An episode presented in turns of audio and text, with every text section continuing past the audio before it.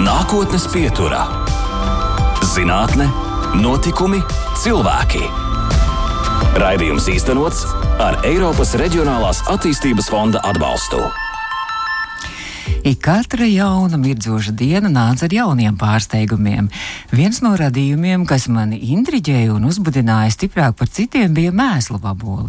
Es mēdzu gulēt uz vēdera un vērot, kā divas spoži melnas vaboles ar glīti uzliektiem degunražu ragiem uz galvas neizmērojamā aizrautībā vai brīnišķīgu veidotu govju mēslu bumbuli. Vispirms jau es kāroju zināt, kā vaboles pamanās izveidot bumbu tik precīzi apaļu. No paša eksperimentiem ar mālu un plastilīnu es zināju, ka tas ir ārkārtīgi grūti izdarāms. Tomēr vaboles, kuru vienīgie rīki bija smailās kājas bez kādiem mērinstrumentiem vai citām palīgierīcēm, prata izveidot šīs pievilcīgās mēslu bumbiņas apaļas kā mēnesis. Un tad radās arī otrs jautājums - kāpēc viņas veido bumbuļus un uz kurieni tos veļ? Tik jūsmīgs par šīm daļajām šādām būtnēm ir dzīvnieku draugs Džeralds Darēls, aprakstot savu brīnumaino dzīvi Grieķijas Korfu salā.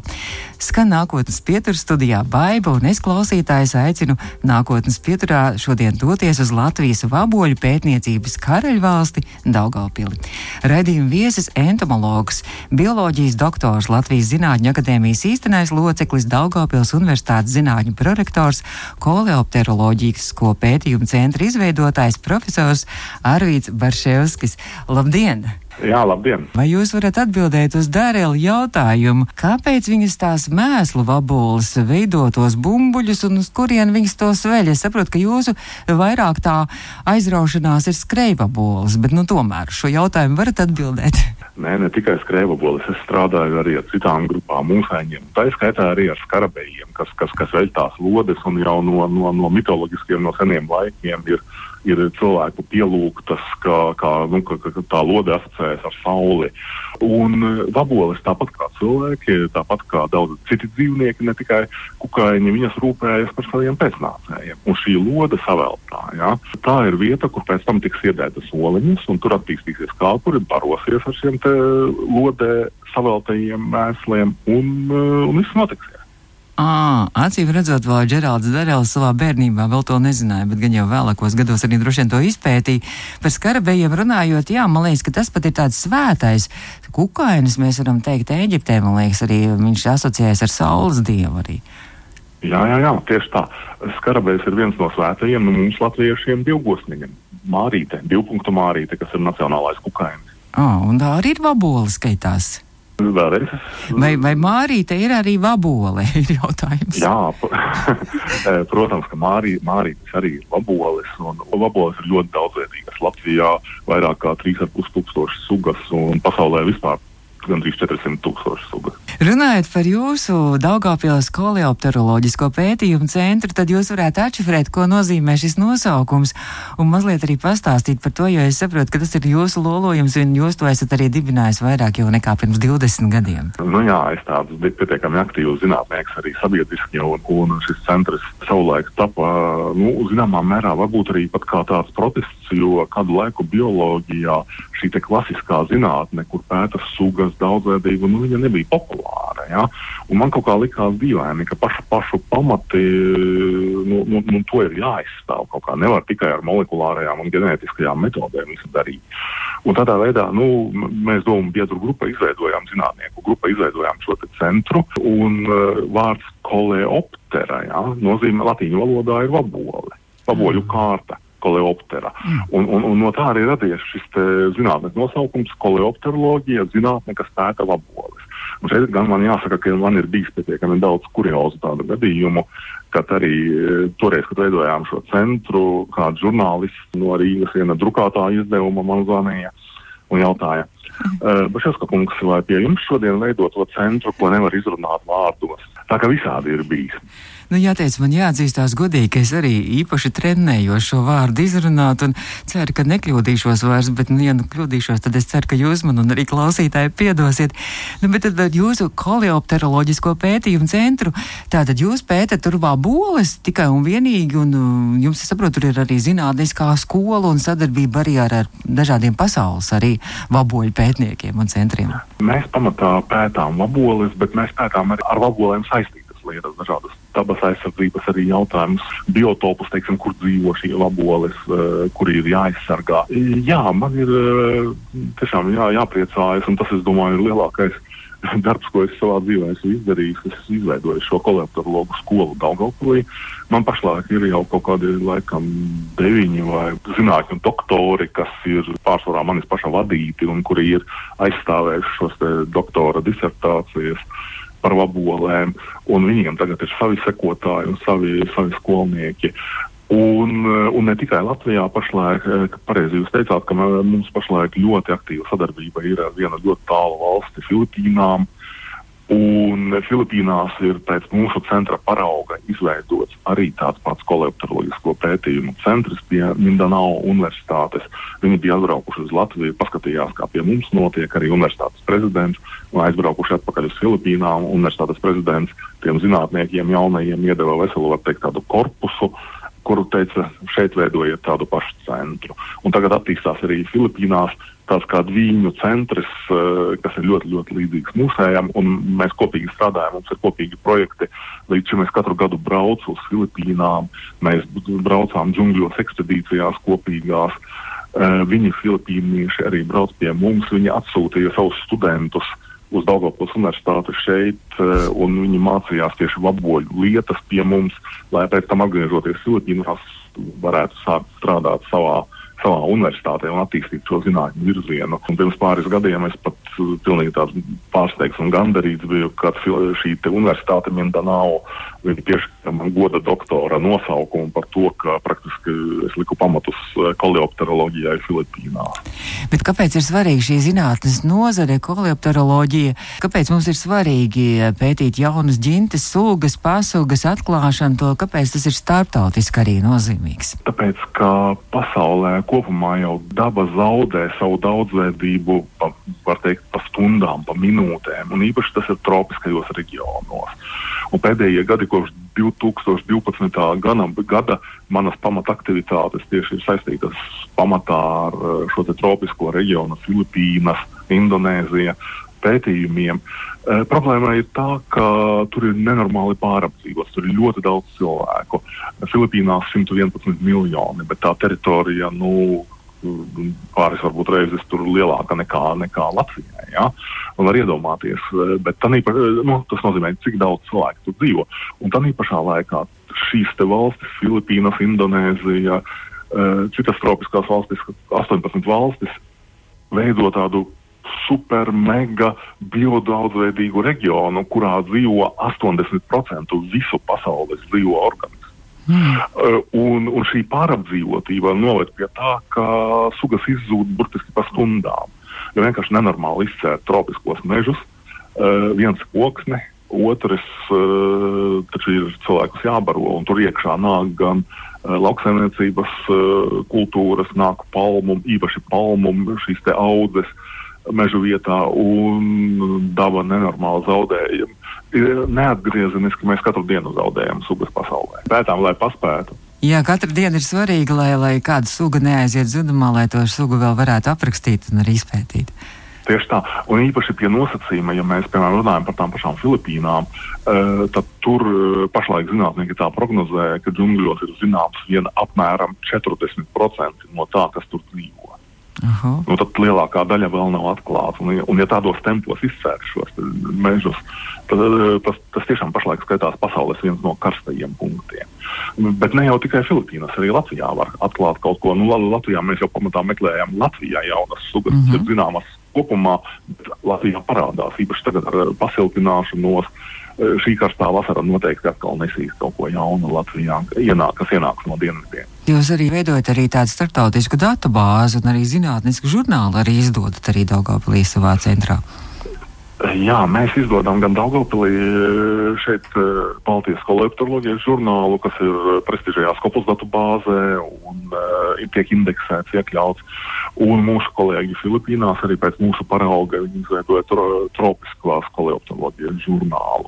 Nu, arī strādājam, arī mūsējie palīdz šo žurnālu veidot, un, un mēs arī paši publicējamies tur, un arī, arī filipīnieši pie mums publicējas. Tā kā šī sadarbība ir ļoti, nu tāda, es teiktu, izsmeļoša izcila. Koleopteroloģisko pētījumu centrā ir arī tāda valboļu kolekcija tiek veidot, un centrs jums atrodas arī ļoti skaistā vietā ar latviešu nosaukumu Ilgas. Nu jā, nu Ilgas Latvijā, es domāju, visi Latvijas bioloģijas skolotāji un lielākā daļa biologu zina, kas ir Ilgas jo ilgās jau no 1957. gada eh, ir notikušas bioloģijas skolotājiem, kuri mācījās Daugavpils, eh, toreiz Pedagoģiskajā institūtā, tagad arī Daugavpils universitātē, dažādas lauku prakses, kur cilvēki eh, iet dabā, mācās dabu dabā, nevis ka kaut kur kabinetā, bet skatās, kā tas izskatās mežā, kā sauc šo dzīvnieku, kā citu.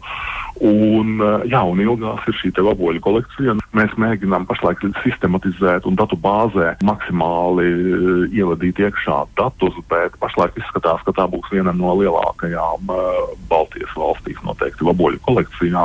Tiesa mums lielākā daļa sugas ir tieši tropisko reģionu sugas. Protams, arī Latvijas fauna ļoti labi pārstāvēta. Es arī atradu centra aprakstā, ka vēl tāda, man liekas, ka ļoti interesanta nozara, vai jūs varētu klausītājiem pastāstīt, ko tas nozīmē paleo koleopteroloģija. O, nu jā, mums ir arī tāds viens virziens. Doktors Andris Bukējs pamatā strādā un pēta dzimtarā iestrēgušās vaboles, jā, šos te iestrēgumus, un arī apraksta katru, katru gadu desmitiem jaunas sugas no dzimtara, mm. kuras Latvijā, protams, pašlaik nav sastopamas. Tas bija cits periods, toreiz Latvijā bija daudz tāds tropiskāks klimats, un šeit dzīvoja pavisam citas vaboles. Uh, un tas ir nenormāli interesanti skatīties to, kas nāk. Nu, dzintars gan nenāk tik ļoti no Latvijas, cik dzimtars vairāk mums nāk no Kaļiņgradas apgabala, no Lietuvas, no Polijas. Jo tur daudz vairāk šīs atradnes, kur, kur, kur iegūst šo dzimtaru. Un, un tad mūsu, mūsu zinātnieki apraksta sugas, un mēs esam nopirkuši arī tādu nu, super unikālu ierīci, ļoti dārgu, kas ir pagaidām vienīgā, laikam pat Austrum Eiropā. Uh, kur tāds kā rentgena mikrotomogrāfs, ar ko palīdzību dzimtarā ie, iestrēgušo vaboli var telpiski nobildēt, paskatīties visu iekšējo uzbūvi. Un, un, protams, šie raksti aiziet ļoti labos tagad žurnālos, ļoti augsta līmeņa žurnālos. Un, protams, ka Daugavpils universitāte arī pēc šī paleokoleopteroloģijas vai, vai, vai paleoentoloģijas virziena ļoti labi pazīst pasaulē. Fantastiski! Pateicoties jums, mēs uzzinām arī ne tikai pasaulē, bet arī Latvijā par eh, šo koleopteroloģisko pētījumu centra Daugavpils universitātē, un mūsu nākotnes pieturs viesis šodien ir bioloģijas doktors, profesors, koleopteroloģisko pētījumu centra izveidotājs Daugavpils universitātes zinātņu prorektors Arvīts Barševskis, un jūs izvēlties šodien arī mūziku, un mēs sarunu turpināsim pēc brīža, bet mūzika arī ir jāteic, ir ļoti saistīta tieši ar jūsu zinātnisko darbu, ar jūsu tēmu, un jums arī būs, man liekas, ļoti interesants stāsts arī par to mūziku, ko mēs tūlīt vien šodien klausīsimies? Nu, pirmais stāsts par Gunteru Raču. Ja? Jā. Mēs eh, ne tikai pētām aboles, bet mēs esam arī tādi sociāli pietiekami aktīvi cilvēki. Un, un, un, un es arī ļoti aktīvi, teiksim, tajā pašā Facebookā, piemēram, arī mēģinu regulāri komunicēt ar, ar, ar cilvēkiem.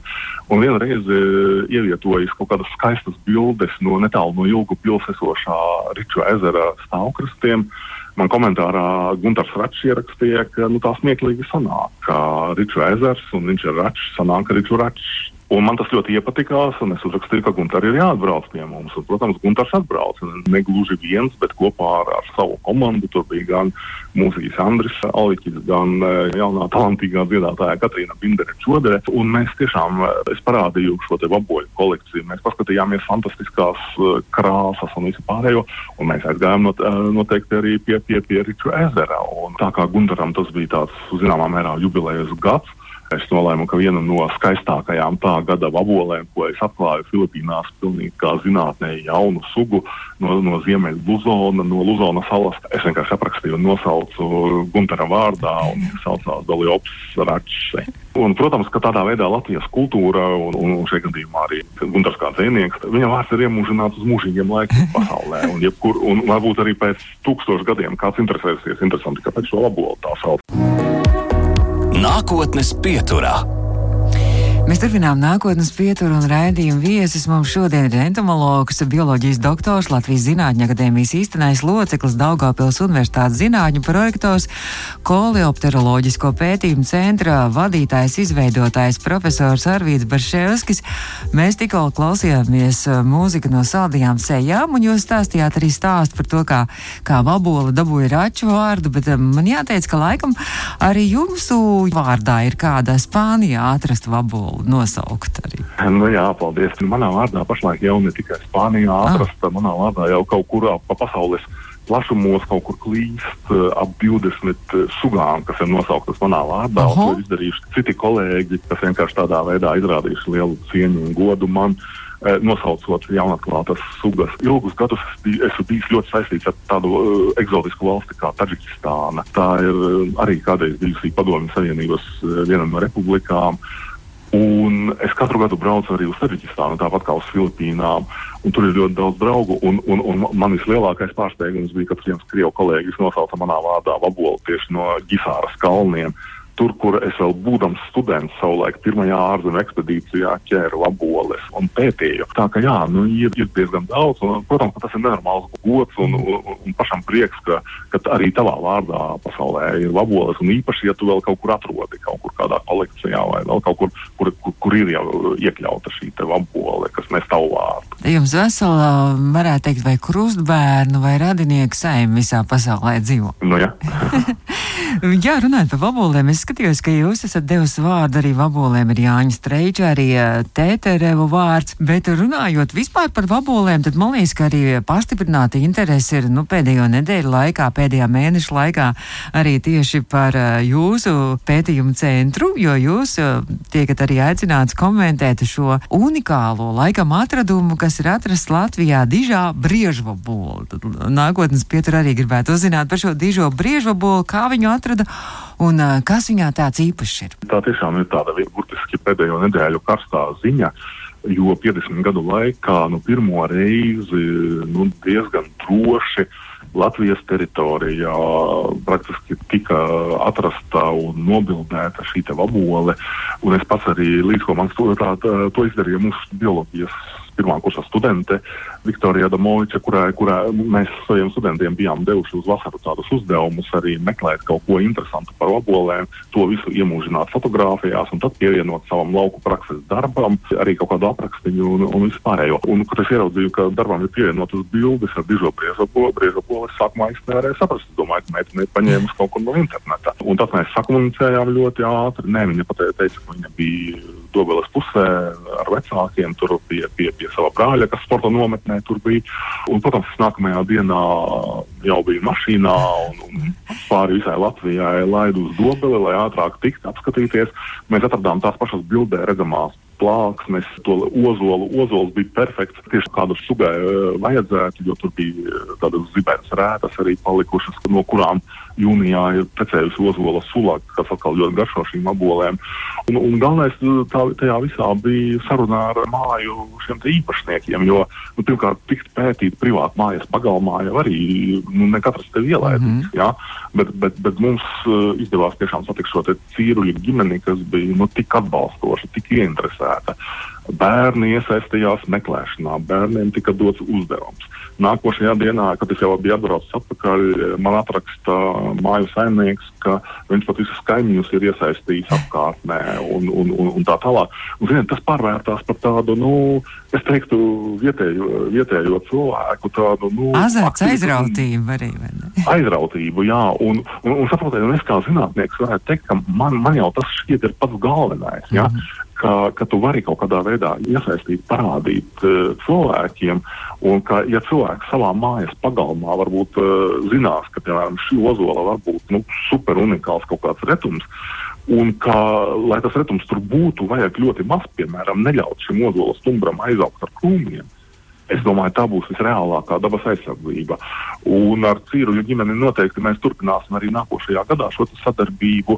Šīs ziņas parādīšanās dabas aizsardzības pārvalde, kas palaida šo preses relīzi masu mēdījiem, es domāju, izdarīja ļoti labu darbu. Tādā ziņā, ka es pēdējās nedēļas pamatā katru dienu atbildu uz diezgan daudz cilvēku atsūtītām bildēm, jautājumiem. saprotiet, izdevās nedaudz iekustināt cilvēkus. Un varbūt šajā Covid laikā tas ir tik svarīgi, ka cilvēki nu, spēj kaut ko ieraudzīt, arī labu paskatīties, mm. paskatīties kaut ko dabā zem kājām, nu, tur, kur ikdienā iet, neskatās. Es domāju, ka tas bija tas mērķis, un man liekas, ka šī ziņa ļoti labi sasniedza šo mērķi. Ne tik daudz pasakot, ka tika atrasts, uh, nu, ka studentiem iemūžinājusi šo laboli, bet patiesībā drusku pacēla tautu. Bet kā jūs, jūs tiešām pazīstat, jums sūta fotogrāfijas no šīm visām abolēm? Jūs tā uzreiz varat pateikt, jā, tā ir tāda, tā ir šitāda. Es parasti visiem cilvēkiem, eh, droši vien arī jums teiktu, ja mēs tagad klātienē runātu, ka es, es parasti atvainojos, nu, nu piedodiet man, ja es uz ielas jūs nepasveicinātu. Man ir ļoti, man, man ir ļoti slikta atmiņa uz sejām. Uh, bet tam pašā laikā es visiem saku, bet vaboles es visas, nu, lielāko daļu noteikti Sejā. pazīstu katru pēc sejas. Nu, redz, nu, tas ir mans darbs. Es ar to strādāju jau, jau 30 vairāk gadus. Un, un, un, nu, protams, ka tu zini, ja nezini, tad vienmēr zini, kur to var noprecizēt. Un nav tik vienkārši ar labolēm. Ir ļoti daudz sugas, kuras, piemēram, ir pasaulē viens, divi cilvēki, kas var pateikt precīzi līdz sugai. Tādos gadījumos mēs sūtām vienkārši materiālu vai bildes šiem speciālistiem, kuri tad arī pasaka, ir vai nav. Tāpat kā es, es, es arī esmu specializējies piemēram, uz pāris ģim, gimtīm pasaules faunā, un tad man citi cilvēki no citām valstīm vienkārši raksta, lai, lai es apstiprinu, ir vai nav tā suga. Tādā veidā tas notiek. Tā kā mm. vaboļu noteikšana nav nemaz tik viegla arī, bet pazīt jau var līdz parastākās sugas. Nu, es tā mazliet eh, tādu populāro literatūru plasīju par vabolēm, un tad es biju pārsteigta, ka vaboles man jau gan, gan arī likās, ka viņas ir kā cilvēki, ka viņām tur tās ķermeņa daļas un sastāvdaļas un kājas tur ir gūžas un, un, un ciskas un viss, un arī kā cilvēkam tur viss ir. Nu, vaboles ir tieši tādi paši dzīvnieki kā cilvēks, kurš arī pēc būtības, pēc uzbūves un tā tālāk ir dzīvnieks. Tikai, protams, katrs ir uh, savā kaut kādā nu, evolucionārā līmenī un, un, un, un uzbūvē un savādāks. Vaboles ir eh, ļoti interesantas un maz izpētītas. Vabolēm ir eh, fantastiska komunikācija savā starpā. Jā, par Mēs to tieši gribēju vaicāt jums. Jā, jūs ah. esat pētījis to komunikāciju arī vaboļiem. Nu jā, savulaik kādreiz 90. gados, kad es studēju Maskavas valsts universitātē entomoloģijas katedrā pie pasaules slavenā profesora Žentīva, Uh, viņš kādreiz strādāja ar šo komunikāciju, ar bioakustiku.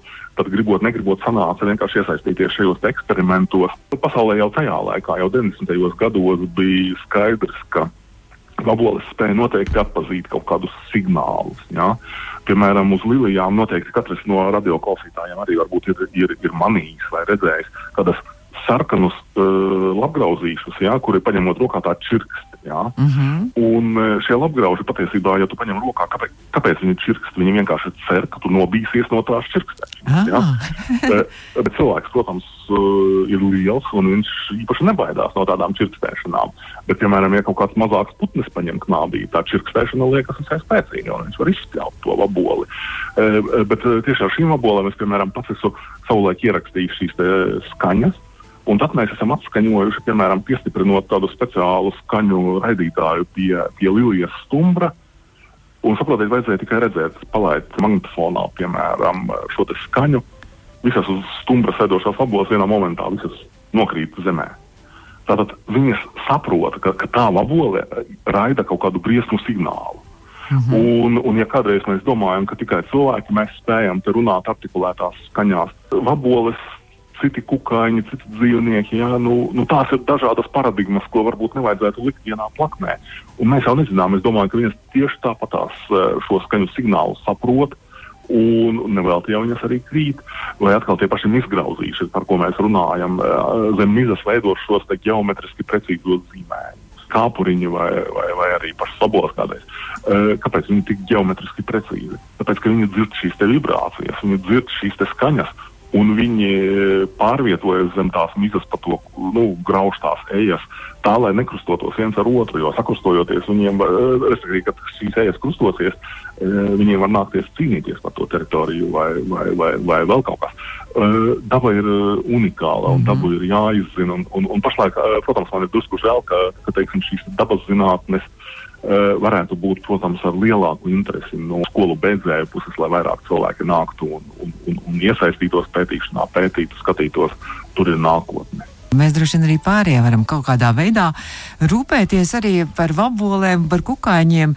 Mm, es esmu redzējis jūrmalā šādas mm, kukaiņu mājiņas, ka tiek izveidots arī vecos koku stumbros un, un, un, un, un speciāli arī veidots. Vai tas ir labi?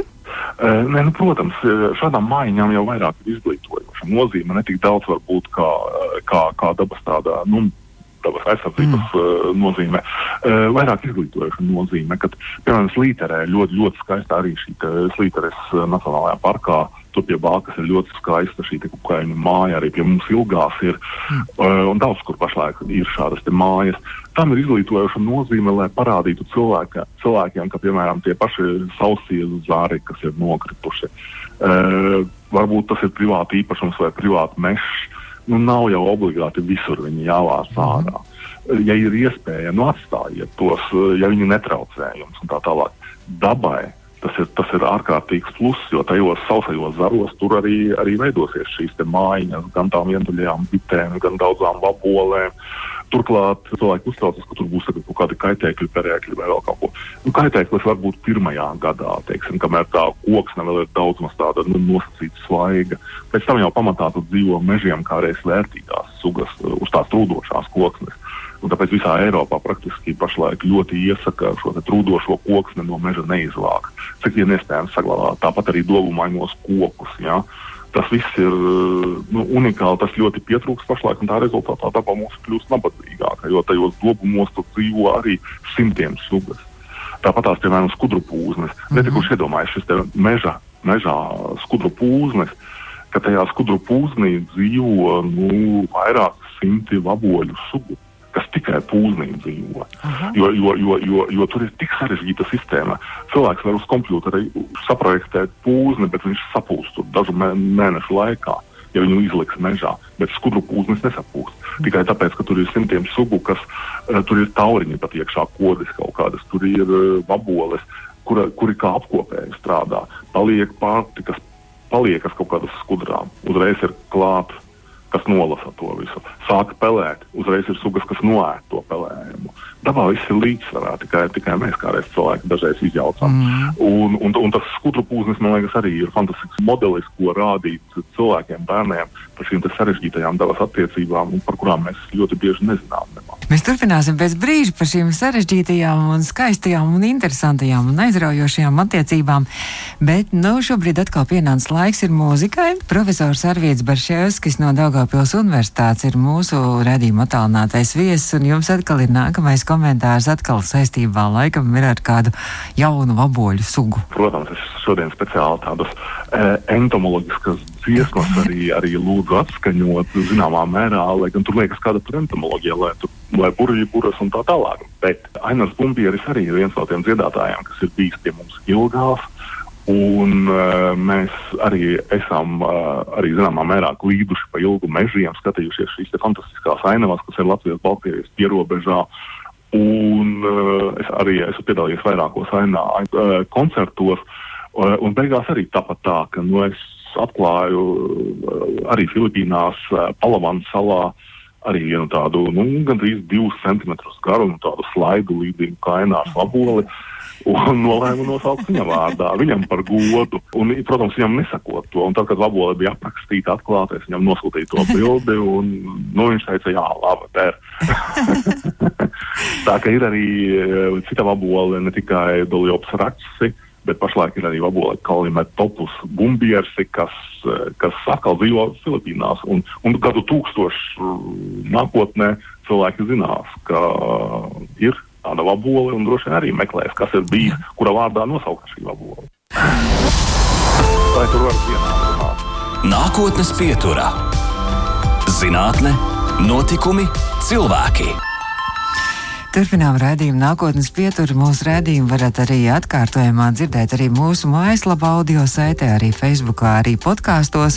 Straumēšanas vietnēs populārākajās mūsu redzējumu viesis šodien entomologs, bioloģijas doktors, profesors, koleopteroloģisko pētījumu centra izveidotājs Daugavpils universitātē, arī Daugavpils universitātes zinātņu prorektors Arvīts Barševskis. Un man jāpiemina gan arī, ka jums ir ļoti daudz visādi citādāk apbalvojumi. Jūs esat arī goda Daugaupilietis, bijis arī Latvijas Zinātņu akadēmijas lielās medaļas ieguvējs, arī Zinātņu akadēmijas Cicerona balva. Jums ir, jums ir arī Francijas akadēmiskā palmas zara kavaliera pakāpes ordenis par ieguldījumiem franču valodas un kultūras popularizēšanā. Tiešām?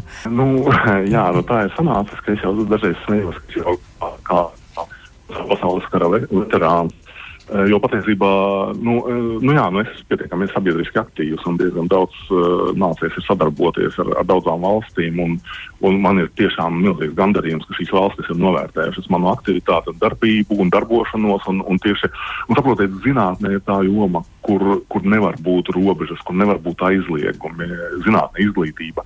Un, jā, man ir arī Krievijas uh, federācijas draudzības ordenis, man ir Polijas republikas nopelnu ordenis, jā. Francijas jau pieminētais, Latvijas trīs zvaigžņu, nu var skaitīt diezgan daudz, jā. Bet, uh, bet saprotiet, bet uh, nav jau tas būtiskākais. Būtiskākais ir tas, ka es tiešām uzskatu, ka zinātnē nedrīkst vilkt robežas. Zinātnē ir jābūt zinātnē, un, un, un šajā gadījumā cilvēkiem ir jāsadarbojas, ir jāmeklē kontakti. Man tas ir interesanti, un, un, un tāpēc varbūt tā ir sanācis, ka ir pietiekami daudz aktivitāšu visā pasaulē. Un, un es aicinu jaunos cilvēkus, kuri domā, ka, ka, ka varētu arī zinātnē attīstīt savu karjeru, ir fantastiskas iespējas. Arī var labi nopelnīt zinātnē. Galvenais, lai jūs liktu pēc iespējas augstāku latiņu savā dzīvē, un pēc tam gribētu šo latiņu sasniegt. Jums izdosies. Jūs esat atklājis un aprakstījis apmēram 70, varbūt jau vairāk zinātnē, jaunas vaboļu sugas, un gribēju vaicāt par tām emocijām. Kādas ir tās emocijas, kad izdodas to jauno sugu atklāt? Es uh, vienreiz Filipīnās džungļu malā stāvu, man pēkšņi uz pieres kaut kur uz vaiga nolaizas vabole. Es tā paņemu rokā, un es uzreiz redzu, ka tā ir jauna suga. Nu, saprotiet, vienkārši nu, nu, tie ir tādi mirkļi, momenti, kurus nu, nav iespējams aprakstīt, kad vienkārši nu, nu, tas ir šis jaunas klāšanās prieks. Un tagad pēdējā laikā es sāku arī aizvien vairāk iesaistīt studentus, un ne tikai Latvijas, bet es arī strādāju ar tiem pašiem filipīniešu Mindanao universitātes studentiem. Un tagad, kad es aprakstu jaunas sugas, aizvien biežāk es sāku likt klāt arī kādu no studentiem. Ja? Lai arī viņam ir kaut cik uh, šis prieks, ka viņš ir bijis palīdzējis pie tā raksta tapšanas vai vēl kaut kur. Jo, kā jau smējos, es jau savā dzīvē esmu sasniedzis pietiekami daudz, un man tagad ir svarīgi ļaut tiem jaunajiem, lai viņi sasniedz pēc iespējas vairāk. Jo, jo tad jau tā zinātne mūs attīstīsies, viņa būs. Un, un es domāju, nekādā gadījumā nav jābaidās, ka tur jaunais izkonkurēs tevi pašu laist, cik daudz ir iespēja, jo visiem pietiks darba un, un galvenais tos jaunos atbalstīt, bītīt. Un tāpēc mēs ekspedīcijās uz tām pašām Filipīnām, piemēram, mēs pagājušajā ekspedīcijā mēs braucām 12 cilvēki. Paldies mēs uh, projektu finansētājiem, mēs piesaistām šos caur Erasmus, caur, caur dažādām programmām, finansējumu šīm ekspedīcijām. Nu, diemžēl šogad mēs neesam aizbraukuši sakarā ar Covid situāciju, bet, bet finansējums arī bija, bija atrasts. Jau. Un, kad jaunie aizbrauc tie, kas pie maniem šeit Daugavpilī studē bioloģiju, ja, šo te bioloģijas bakalauru, ja, ja viņam ir interese, ja es redzu, ka ir dzirkstelīte acīs, nu tad, tad šo cilvēku ir vērts ņemt līdzi, jo no viņa sanāks. Un, un, un vienmēr es arī tiekoties skolās ar skolēniem, es saku, nu, jaunieši, nu, dariet to, kas jums patīk. Ja jums uh, mamma saka, ka jāiet par ekonomistu, bet jums patīk rakstīt dzēju, nu rakstiet dzēju, un ar savu dzējas rakstīšanu jūs tiksiet daudz tālāk nekā varbūt aizgājuši par to ekonomistu, kas jums nepatīk un visu laiku uz lopu sāpēs, eh, domājot, ka jums tas jādara. Tāpēc jauniešiem, eh, protams, šeit mm -hmm. nevar būt pat runas, jaunieši ir jāiesaista un, un viņiem jāparāda, kāds ir šis jaunatklājuma prieks. Runājot par jauniešiem, tad uh, mēs esam nonākuši tā līdz Daugavpils universitātei. Tūlīt jau arī jaunais mācību gads sāks. Un uh, jūs, man liekas, ka divus termiņus esat bijis arī Daugavpils universitātes rektors, savulaik arī Latvijas rektora padomas priekšsēdētājs. Nu, tagad esat Daugavpils uh, universitātes zinātniskais prorektors, sāks jaunais mācību gads. Un es uh, tā esmu paskatījusies, un man tā liekas, ka Daugāpils universitātē šis ir īpašs, šis ir jubilejas gads. Nu, tieši tā, jā, paldies. Tiešām mūsu universitāte, Daugāpils universitāte ir viena no vecākajām Latvijas augstskolām. Mums šogad ir simtā apaļā jubileja 4. novembrī. Es ļoti ceru, ka visi Covid uh, laiki vienreiz mitēsies un mums izdosies gan nosvinēt, gan arī uh, varbūt studijas uzsākt beidzot normālā režīmā. Bet nu, pagaidām tomēr vēl tā liekas, ka, ka būs arī kaut kas attālināti, ka būs arī, nu, varbūt nebūs tik cerīgi, kā, kā gribētos. Taču universitāte tam ir gatava, universitāte sāks Un kas man ir prieks, ka, ka šogad mēs esam arī studentu skaita ziņā noteikti plusos, un, un, un studenti ir atnācis vairāk. Mums arī jaunas programmas, teiksim, tās pašas medmāsas, kas bija ārkārtīgi mm. populāras. Tikai uz medmāsām atnāca uh, kaut kur ap 270 uh, studējoši. Jā, universitāte ir ar savām tradīcijām, universitāte ir ar savu šo akadēmisko kultūru un, un ārkārtīgi svarīgi, protams, to attīstīt. Un, un svarīgi arī, lai, lai tie paši politiķi to saprastu, to ieraudzītu. Nu, tāpēc noteikti rudenī svinēsim universitātes simtgadi un universitāte augs un, un attīstīsies tālāk noteikti. Bet tad jūs vēl nezināt, vai jūs sāksiet uh, klātienē vai attālināt jauno mācību? E, nu, pašreizajā momentā pašlaik izskatās, ka visdrīzāk tomēr būs tā, ka šīs te teorētiskās lekciju nodarbības visdrīzāk būs attālinātā veidā, bet tās programmas, kurās ir šīs praktiskās nodarbības, tās varētu būt kompakti saliekot, bet uh, klātienes veidā. Ja vien valstī nesekos kaut kādi citi norādījumi par epidemioloģisko situāciju. Bet nu, viss notiksies. Jā, nav vēl tiešām, lai izdodas skaists, interesants, aizraujošs šis jaunais mācību gads, un, un, protams, arī, lai izdodas tomēr to jūsu simt gadu jubileju nosvinēt arī tā skaisti Daugavpils universitātē. Jā, liels paldies. Un, protams, es domāju, ka tas ir svarīgi, jo mūsu absolventi, kas strādā visā plašajā Latvijā, māca to pašu bioloģiju, humanitārās zinātnes, visās citās jomās, strādā dažādos uzņēmumos. Nu, tas mūsu kopīgais, kopīgais, tie būs mūsu kopīgie svētki. Es saku lielu paldies jums, ka jūs izbrīvējāt laiku arī nākotnes pieturai. Profesors Arvīts Barševskis eh, mūsu nākotnes pieturas viesus, un tad jau mēs atvadāmies, bet atvadāmies atkal ar mūziku, un tā būs grupa Prāta vētra, un arī jums bija tāds skaists stāsts, kāpēc jūs tieši Prāta vētra izvēlējāties. Nē, nu, redz, no šo stāstu es savulaik arī pašam Renāram Kauperam teicu, ja man būtu tādas nu, iespējas, vai es izveidotu kaut kādu balvu, piemēram, par sabiedrības integrāciju, tad Latvijā es noteikti šo balvu pasniegtu prāta vētrai. Jo man, manuprāt, Renārs un, un viņa grupas puiši, vispār grupas šī komanda, eh, tik daudz ir izdarījuši Latvijas sabiedrības nevis sašķelšanā, bet tādā integrēšanā, ka nu, tiešām noslēgumā liels paldies Baiba, ka, ka būs uh, prāta vētras dziesma.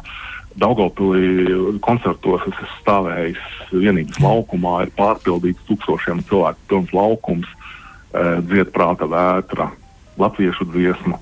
Visi cilvēki, kas stāv arī krieviski runājošie, viņi velk līdzi latviski. Uh, prāta vēra Daugopilī varbūt vairāk kā vienā otrā cilvēka. Citā pilsētā Latvijā kādreiz arī nospēlēja kādu krievu valodā dziesmu. Un tie paši latvieši visi dzied līdzi. Un es nekad tādu vienotību neesmu redzējis, kāda ir prāta vētras uh, koncertos, kad sabiedrība reāli ir kā viena. Un, un mana laikam lielākā vēlme būtu, ka Latvijā mēs tiešām kādreiz nonāktu līdz tam, ka mēs nevis šķeltos, nevis šķeltu sabiedrību arī kā tagad daudz kas tāds notiek, bet tiešām eh, domāt par valsts attīstību kā vienu tādu veselumu un ka šī mūsu valsts būtu vieta, kur cilvēkiem gribētu dzīvot, attīstīt savas ģimenes, augt. Un tā ir mana vīzija, un paldies prāta vētrai, un lai skan prāta vētras dziesma, un, protams, Baiva, paldies jums par, par, par šo interviju. Un paldies jums! Es beigās tādu nonācu pie tāda secinājuma, ka gan mūzika vieno cilvēkus un nepazīst robežu, jo mūzikas valoda ir starptautiska tāpat kā zinātnes valoda, vai ne? Precīzi, simtprocentīgi var likt uh, ministru kabinetā otru šo uzrakstu zāli. Paldies jums un lai jauks jaunais mācību gads! Paldies! Izskan nākotnes pieturā. Raidījums īstenots ar Eiropas Reģionālās attīstības fonda atbalstu.